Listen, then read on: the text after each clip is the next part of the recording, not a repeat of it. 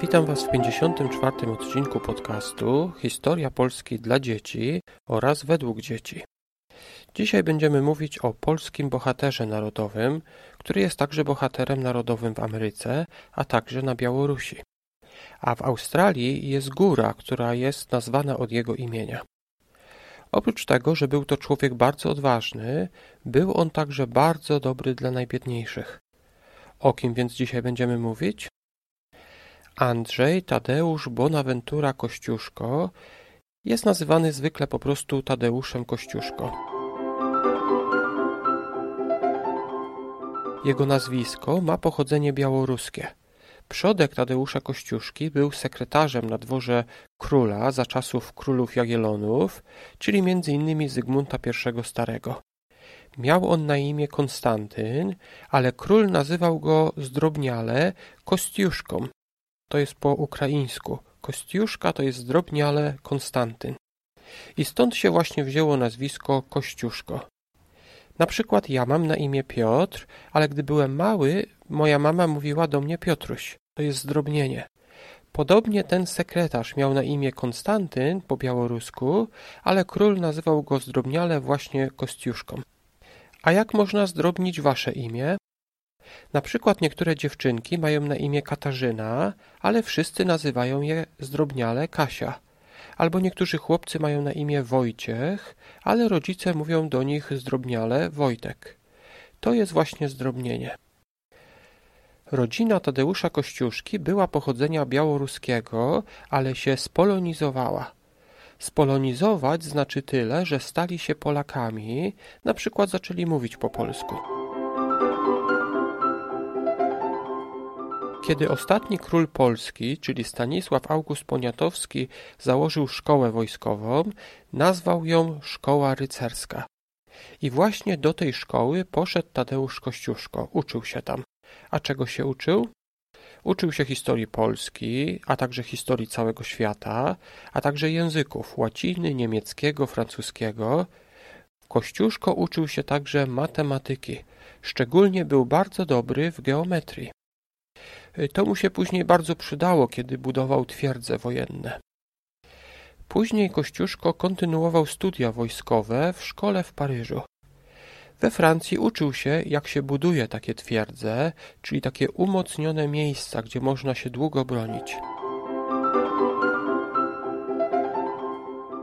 No to um, najpierw, znaczy w tym samym czasie Rosja i Prusy zaatakowali Polskę i zabrali mniejszą część i potem i, i, po, i później też Austria i potem e, po czasie zdobyli coraz więcej Polski i skończyło się tak, że już nie było Polski, bo wszystkie, przy, wszystkie kawałki już oni odebrali. Niestety, właśnie wtedy, kiedy on był w Paryżu, we Francji, trzy kraje, Prusy, Rosja i Austria, dokonały pierwszego rozbioru Polski w 1772 roku. Rozbiór jest to taki podział. Te trzy kraje, Prusy, Rosja i Austria, każdy zabrały sobie po kawałku. Kościuszko wrócił do Polski, ale nie przyjęto go do wojska. Chciał się też ożenić, ale ponieważ był bardzo biedny, ojciec jego ukochanej nie pozwolił mu, a córce kazał wyjść za mąż za bogatego księcia lubomirskiego. Wtedy właśnie Tadeusz Kościuszko wyjechał do Stanów Zjednoczonych. A Stany Zjednoczone, czyli USA, walczyły wtedy o niepodległość z Anglią. On pomógł Ameryce w bitwie z Anglią. Tadeusz Kościuszko poznał w Ameryce George'a Washingtona. Kościuszko pomagał budować umocnienia i twierdze. W 1777 umocnienia zbudowane przez Kościuszkę pomogły Amerykanom wygrać z Brytyjczykami w bitwie pod Saratogą. On stworzył najbardziej znaną amerykańską szkołę wojskową West, po West Point. I to była zbudowana przez Kościusz. Kościuszko zbudował też w Ameryce twierdzę West Point. Ta twierdza została później zmieniona w szkołę wojskową. Jako zapłatę za swoją pomoc Tadeusz Kościuszko został generałem w USA. Dostał też ziemię i pieniądze. Ale chociaż sam miał niewiele, to te pieniądze przeznaczył na to, aby wykupić niewolników i dać im wolność, a potem ich uczyć. Tadeusz Kościuszko był przeciwnikiem niewolnictwa. W tamtych czasach dużo ludzi, na przykład George Washington, mieli swoich niewolników. Gdy Kościuszko wrócił do Polski, król Stanisław August Poniatowski mianował go jednym z dowódców. Polskę zaatakowała wtedy Rosja. Kościuszko walczył bardzo dzielnie, potrafił pokonać nawet trzykrotnie liczniejsze wojska rosyjskie. Niestety, najpierw na stronę wroga przeszedł dowódca armii na Litwie, on zdradził, a potem sam król Stanisław August Poniatowski zdradził Polskę. Mimo więc, że Kościuszko walczył dzielnie, Polska została zdradzona. W następnym roku, czyli w 1793, doszło do rozbioru Polski. Kościuszko jednak się nie poddał i rok później znowu walczył. W 1794 roku na rynku w Krakowie przysiągł, że będzie walczył za Polskę.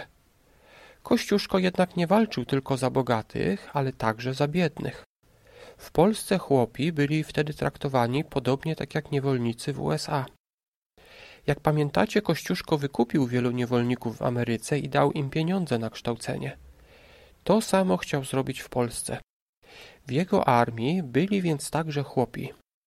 4 kwietnia 1792, czwarty, bitwa pod Racławicami. Um, czyli ja pamiętam, że taki była bitwa i um, był taki mężczyzna i właśnie miała pójść armata, żeby zabić dużo Polaków, ale był taki mężczyzna, który um, jakby te ognie przed wybuchem przed wybuch to położył czapkę, żeby nie wybuchło. 4 kwietnia 1794 roku rozegrała się bitwa pod Racławicami, którą dowodził właśnie Tadeusz Kościuszko. W jego wojsku byli też chłopi, którzy nie mieli innej broni, a więc wzięli ze sobą kosy, które ustawiono na sztorc.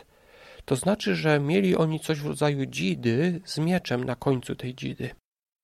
Ci chłopi zaatakowali armaty rosyjskie i je zdobyli. Najdzielniejszy był Bartosz Głowacki.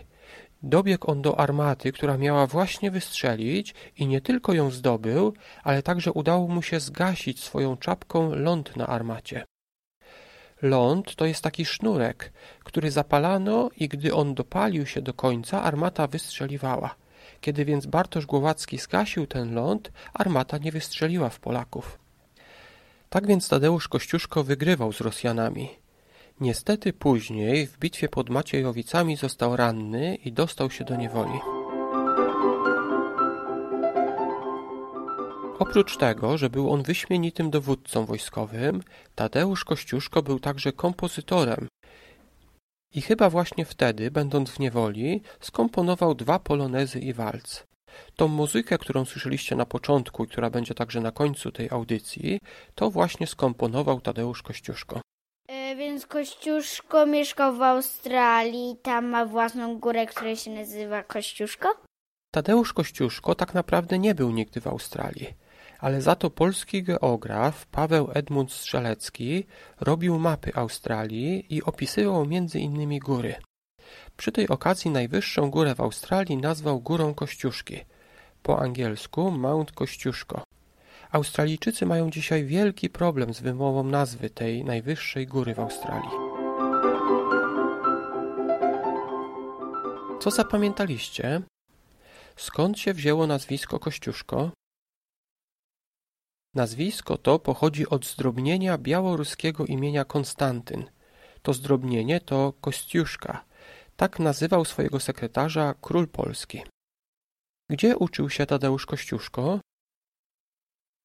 Uczył się najpierw w szkole rycerskiej w Warszawie, a później w szkole wojskowej we Francji, w Paryżu. Co zbudował Kościuszko w Ameryce? Kościuszko zbudował twierdzę West Point. Ta twierdza została później zmieniona w szkołę wojskową. Teraz wszyscy dowódcy amerykańscy uczą się właśnie w West Point. Jak się nazywa najwyższa góra w Australii? To Góra Kościuszki. W jakich krajach Tadeusza Kościuszkę uznaje się za bohatera narodowego? W Polsce, USA oraz na Białorusi. Ja dziękuję już Wam za wysłuchanie do końca tej audycji. Jeżeli możecie wesprzeć nasz podcast, to zapraszam na stronę Patronite. Niedawno minął rok od stworzenia strony historiawgdzieci.pl. Przy tej okazji musiałem oczywiście zapłacić około 200 zł za odnowienie serwera oraz domeny na następny rok. Niedawno też płaciłem za serwer podcastów, co wyniosło około 270 zł za cały rok. Nie zarabiam na tym podcaście, ale też nie chciałbym za dużo do niego dokładać. Jeżeli więc możecie nas wspomóc, to zapraszam na Patronite.